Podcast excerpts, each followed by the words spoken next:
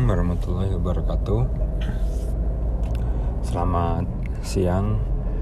Uh, terima kasih sudah mampir ke podcast Akademia Terbalik ya. Uh, siang ini saya akan mencoba me menjelaskan gambar yang saya rilis tadi pagi dengan tema transformatif deal atau kesepakatan transformatif. Nah, bagi yang belum tahu tentang uh, transformatif deal ini, uh, ini adalah sebuah nama yang sifatnya generik yang diberikan kepada uh, suatu kesepakatan antara uh, penerbit atau sekumpulan penerbit dengan sebuah lembaga atau sekumpulan lembaga, ya. bahkan bisa jadi satu negara Nah, apa yang diperjanjikan adalah eh, satu biasanya adalah akses untuk materi-materi yang diterbitkan oleh penerbit tersebut ya secara non open access. Jadi eh, biaya langganan lah kurang lebih ya. Itu yang didiskusikan. Kemudian yang kedua adalah biaya eh, publikasi untuk artikel yang ditulis oleh warga lembaga-lembaga yang mengikat perjanjian tersebut untuk menerbitkan artikelnya secara open access ya. Jadi saya ulang yang dibicarakan adalah dua. Yang pertama adalah mekanisme langganan dan akses untuk artikel-artikel non open access yang diterbitkan oleh penerbit yang kedua adalah biaya penerbitan open access atau APC yang diberikan kepada para penulis, warga, lembaga-lembaga yang bekerja sama dengan penerbit tersebut saat mereka ingin menerbitkan artikel secara open access ya. Dua hal itu. Nah uh, kenapa ini sekarang menjadi uh, terkenal? Yang Pertama adalah karena era saat ini adalah era open access. Jadi seluruh artikel uh, riset terutama itu diharapkan uh, agar dapat diakses oleh publik, dibaca oleh publik secara bebas ya. Apalagi dengan uh, berdirinya atau dimulainya inisiatif Plan S di Uni Eropa ya. Itu yang pertama. Yang kedua adalah bahwa para penulis ya uh, dan lembaga-lembaga yang yang lembaga riset yang menjadi tempat mereka bekerja itu sudah sangat uh, aware atau sadar berkaitan dengan eh, HKI ya. Jadi HKI dari artikel yang dulu diterbitkan secara non open access itu dipindahkan ke penerbit ya HKI-nya. Nah, ditandai dengan all right reserve ya, ada selalu tulisan all right reserve. Nah, saat ini yang diinginkan adalah bahwa HKI tersebut harus tetap dimiliki oleh penulis ya sebagai perwakilan dari suatu lembaga tersebut ya. Itu yang yang kedua. Yang ketiga adalah bahwa saat ini uh, diversifikasi atau variasi kemampuan beli itu sudah sangat uh, uh, besar ya. Saya bisa katakan juga uh, uh, jembat uh, jurang ya jurang pemisah antara negara-negara atau lembaga-lembaga yang dapat membeli akses dengan negara-negara atau lembaga-lembaga yang tidak mampu membeli akses artikel open uh, artikel non open access ya yang yang dulu menjadi jalur utama itu jurangnya makin lebar ya. Jadi saat ini negara-negara di belahan selatan, di termasuk Asia Tenggara, uh, mungkin Amerika Latin ya itu menghadapi berbagai masalah yang menyebabkan daya beli mereka untuk membayar uh, apa namanya makalah-makalah yang non open access itu menjadi menurun ya. Atas satu karena satu dan lain hal ya. Jadi penyebabnya apa? Ada tiga yaitu uh, kesadaran open access Yang kedua adalah kesadaran untuk mempertahankan HKI, ya, hak kekayaan intelektual. Yang ketiga adalah karena jurang uh, pemisah atau disparitas antara eh, pihak-pihak yang mampu membayar akses dengan pihak-pihak yang tidak mampu membayar akses itu makin lebar. Baik, itu bagian pertama ya.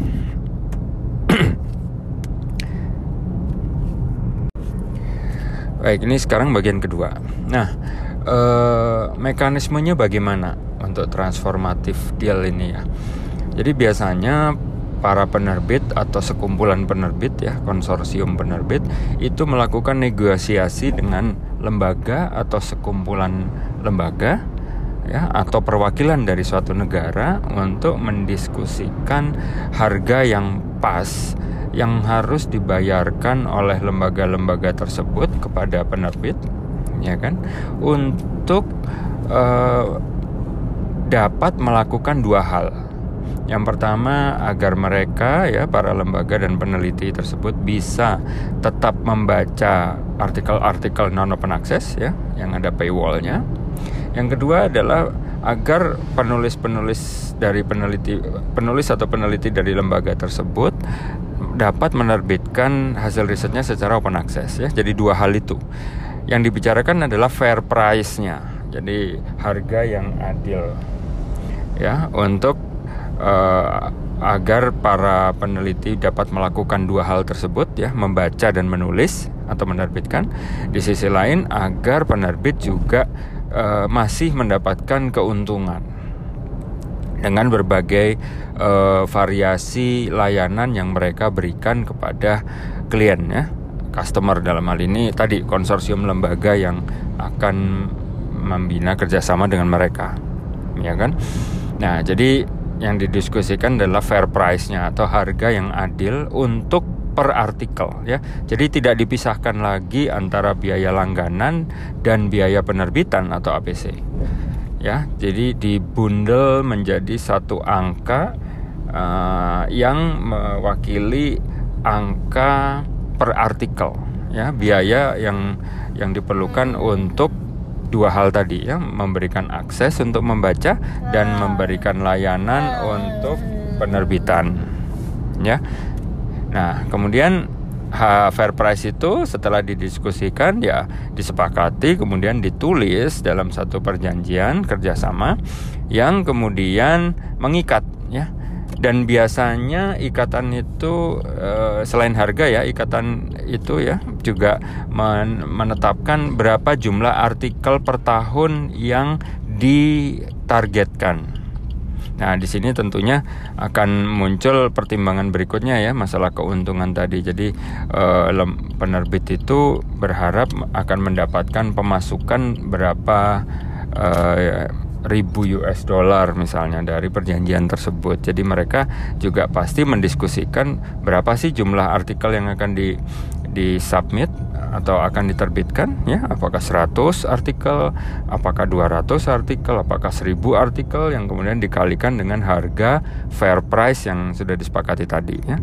Nah angka tersebutlah yang harus dibayarkan oleh negara atau oleh konsorsium lembaga tersebut kepada penerbit ya? Jadi billnya itu uh, invoice-nya itu hanya satu uh, yaitu tadi fair price berapa dikalikan berapa target penerbitannya ya Demikian bagian kedua.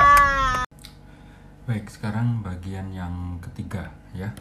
Jadi pada bagian pertama dan kedua Anda sudah uh, menerima penjelasan tentang apa itu kesepakatan transformatif dan uh, apa yang dibicarakan ya. Nah, sekarang yang yang ketiga adalah bagaimana uh, implementasinya ya. Jadi uh, Indonesia memang belum pernah punya tapi sepertinya akan punya. Jadi referensi saya adalah uh, pelaksanaan di negara lain ya. Salah satunya adalah Jerman. Nah, uh, tapi di negara apa pun sebenarnya pelaksanaannya itu cukup mudah ya. Jadi uh, para peneliti atau uh, penulis ya yang bekerja di satu institusi yang teregistrasi dalam kerjasama tersebut atau kalau hal ini adalah uh, kementerian, maka para penulis atau peneliti yang terdaftar pada pada kementerian tersebut itu bisa menulis uh, hasil risetnya ya kemudian memilih jurnal yang menjadi tujuan yang mana jurnal tersebut pastinya ada di dalam list uh, kerjasama juga ya. Nah ketika mereka sudah uh, memilih kemudian mengirimkan suatu saat diterima dan dan dibutuhkan pembayaran APC atau biaya open accessnya maka penulis tidak dibebani lagi biaya ya. Jadi uh, itu akan menjadi uh, tanggungan lembaga atau pemerintah jadi intinya seperti uh, mengurangi jatah begitu jadi ingat pada bagian sebelumnya saya sampaikan bahwa kontrak itu membahas uh, harga uh, per artikel yang dikalikan target artikel yang akan terbit. Nah, ketika ada penulis mengirimkan makalah, maka nanti argonya jalan. Jadi contrengannya itu jalan. Oke, berkurang satu. Nanti ada penulis berikutnya ngirim dan terbit, contrengannya berkurang lagi satu dan seterusnya. Gitu ya. Nah, yang menjadi masalah memang apa yang terjadi ketika uh, um, dokumen yang disubmit atau makalah yang disubmit itu lebih sedikit dibanding target yang ditetapkan dalam kerjasama. Nah, kalau saya melihat dari yang sudah-sudah sepertinya itu tidak akan ada pengembalian atau refund ya dari penerbit. Jadi itu akan dianggap sebagai ya, keuntungan penerbit saja ya. Sudah menerima dana uh, untuk menerbitkan tapi tidak dipakai gitu ya. Jadi artinya mereka uh, punya excess money gitu ya. Nah kemudian masalah implementasi ini juga nanti akan berkaitan dengan berapa uh, harga per artikel ya jadi kalau di dalam salah satu video yang saya tonton yang direkam di YouTube ya terjadi di tahun 2019 jadi ada satu panel yang membicarakan transformative agreement ya antara pemerintah Jerman dan uh, beberapa penerbit ya.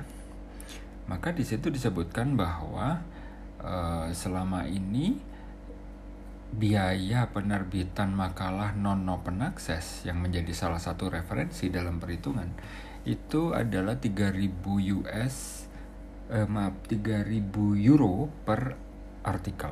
Nah, ketika kemudian eh, biaya langganan dan kemudian biaya penerbitan itu dibundel dalam satu eh, dibundel dalam satu apa namanya kontrak angka per artikel itu disepakati menjadi 2750 euro per artikel ya jadi ada penurunan uh, eh, 250 euro per artikel ya. Dari yang sebelumnya non open access biayanya sekitar 3000 uh, eh, lebih sedikit.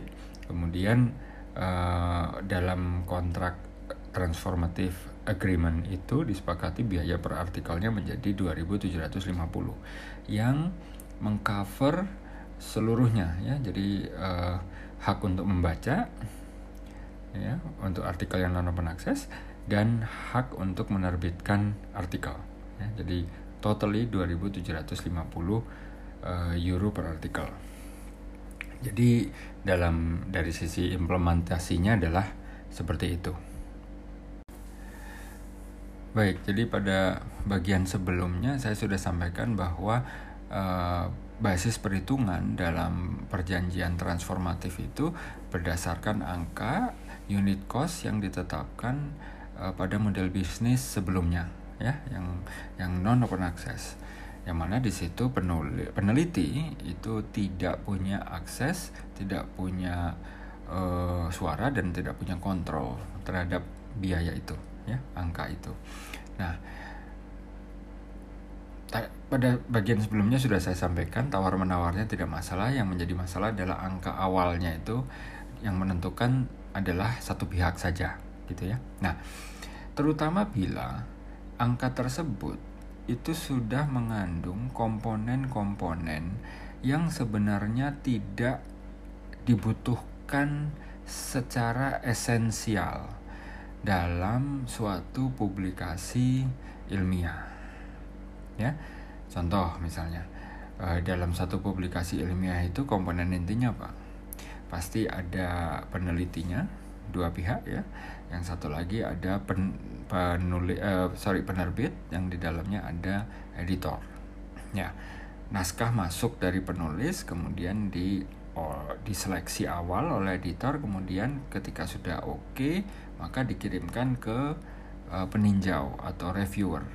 Nah, dari reviewer kemudian muncul hasil catatan koreksi dan sebagainya yang kemudian ada hubungan iteratif ya bolak-balik bolak-balik begitu sampai akhirnya artikel diputuskan bisa terbit diterima dan bisa terbit. Kemudian tayang di dalam website jurnal tersebut atau kalau dulu dicetak di dalam di atas kertas ya jurnal tersebut. Nah, itu adalah komponen inti. Nah, sekarang komponen yang tidak inti apa dalam dalam uh, bisnis publikasi yang sekarang terjadi ya. Nah, kalau kita lihat sudah sudah sudah sangat jelas ya. Jadi sejak biaya promosi, sejak biaya uh, apa ekspansi misalnya dari satu negara ke negara lain yang yang mereka perkirakan akan punya banyak pasar ya. Kemudian biaya-biaya uh, misalnya untuk membuat platform pengelolaan jurnal misalnya ya. Di luar itu padahal software itu sudah tersedia secara open source misalnya itu mereka bikin sendiri dengan berbagai kriteria lah begitu ya. Kemudian uh, mereka justifikasi bahwa itu adalah bagian dari proses publikasi. Kemudian misalnya lagi biaya untuk capacity building dari para peneliti misalnya ya yang mana sebenarnya itu adalah satu kemasan untuk promosi sebenarnya ya. Tidak tidak dalam arti kapasitas peningkatan kapasitas yang sebenarnya misalnya. Nah, belum lagi tuntutan-tuntutan dari mestinya pemegang saham ya, karena kan itu perusahaan e, komersial yang pasti kalau di Indonesia ya bentuknya PT. Dan di PT itu ada pemegang saham, ada direksi, ada komisaris ya. Kemudian di bawahnya itu akan ada suatu badan apa organisasi yang mungkin cukup gemuk yang akhirnya mengakibatkan unit cost itu menjadi 3000 euro per artikel. Nah, sekarang bagian berikutnya uh, yaitu terkait dengan uh, apa dampaknya ya. Nah, itu yang kemudian saya coba transfer ke dalam bentuk uh, gambar ya. Jadi saya melihat bahwa uh, ini adalah suatu kasus yang analoginya kira-kira seperti ini ya. Jadi Anda punya satu usaha yang menentukan model bisnisnya sendiri. Kemudian unit cost sendiri ditentukan, ya kan? Uh, perusahaan Anda me memberikan layanan kepada uh, pihak lain, ya. Nah, anda karena pu yang punya perusahaan, maka Anda akan berhak untuk menentukan model bisnis dan menentukan unit cost. Ya kan? Nah, kemudian kerjasama itu berjalan bertahun-tahun bahkan mungkin puluhan tahun begitu lebih bisa jadi. Nah, kemudian ada satu kondisi yang menyebabkan uh, apa namanya model bisnis Anda itu harus dirubah dari A ke B. Nah, dampaknya kepada Anda sebagai pemilik perusahaan adalah Anda mungkin punya peluang untuk menurun keuntungannya, gitu ya. Nah, apa yang terjadi? Kemudian Anda melakukan argumentasi, uh, kemudian menerima keputusan tersebut model bisnis harus dirubah dengan catatan bahwa unit cost yang sudah Anda keluarkan itu tidak boleh dirubah. Nah, di sinilah kemudian menjadi ketidak ada kondisi tidak adil di sini ya. Jadi uh, dalam hal ini peneliti itu dihadapkan kepada unit cost yang sejak awal itu mereka tidak punya kendali dan tidak punya suara untuk men ikut menentukan berapa ya. Ingat pada bagian sebelumnya saya sebutkan bahwa dulu pada saat artikel itu non open access ditetapkan unit costnya adalah 3000 sekian euro per artikel ya ini based on perjanjian yang terjadi antara penerbit dengan pemerintah Jerman tahun 2019 nah jadi saya ulang lagi. E, peneliti itu tidak punya akses atau suara ya atau kendali kepada penentuan unit cost. Nah, unit cost yang dibicarakan itu berapa? Yaitu 3000 sekian euro per artikel untuk arti model bisnis yang lama itu non open access. Nah, ketika model bisnis berubah menjadi open access, kemudian eh, peneliti itu harus menerima argumentasi dari penerbit bahwa ya unit costnya kami minimum bisanya segini ya katakanlah misalnya uh, 2000 uh, misalnya 2900 misalnya kenapa ya kami nggak bisa dong menurunkan uh, peluang pendapatan kami yang sebelumnya 3000 euro per artikel menjadi berapapun yang anda mau. Nggak mungkin karena kami juga punya standar kami punya pegawai kami punya uh, perusahaan ini kan harus hidup gitu ya. Nah akibatnya apa? Berdasarkan uh, basis perhitungan unit cost yang kita tidak punya kendali sebelumnya, maka dihitunglah biaya uh, per artikel yang baru. Jatuhlah di angka setelah tawar-menawar 2.750 euro per artikel. Ya. Nah, tra, uh, per, tawar-menawarnya menurut saya tidak masalah, tapi yang menjadi masalah itu tadi ketika uh, kita itu diminta melakukan tawar-menawar dengan basis angka yang sejak awal kita tidak punya kendali. Baik, kita lanjutkan. Nah, di sisi lain adalah bahwa mereka dalam promosinya selalu me, me, memberi sinyal bahwa mereka menjaga kualitas dengan uh, misalnya uh, proses review yang yang rigorous gitu ya kemudian platform yang bagus, kecepatan kerja, layout yang cantik dan sebagainya. Yang mana kemudian uh, kita bisa kuliti lagi sebenarnya ya yang esensial yang mana ya.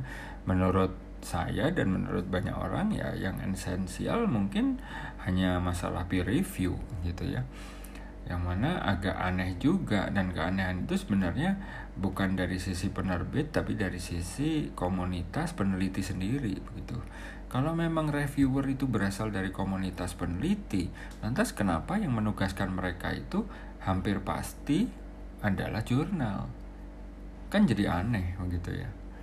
Mestinya kan kalau para peer reviewer itu adalah masuk ke dalam pihak peneliti, maka mestinya mereka ya mendapat perintah mereview dari peneliti sendiri begitu ya entah asosiasi profesi atau atau organisasi yang lain gitu bukan jurnal yang kemudian uh, mengakibatkan biaya itu masuk ke dalam biaya overhead mereka ya yang mana perlu kita kuliti lagi kembali lagi kita kuliti lagi. Sebenarnya para reviewer itu mendapatkan apa dari penerbit?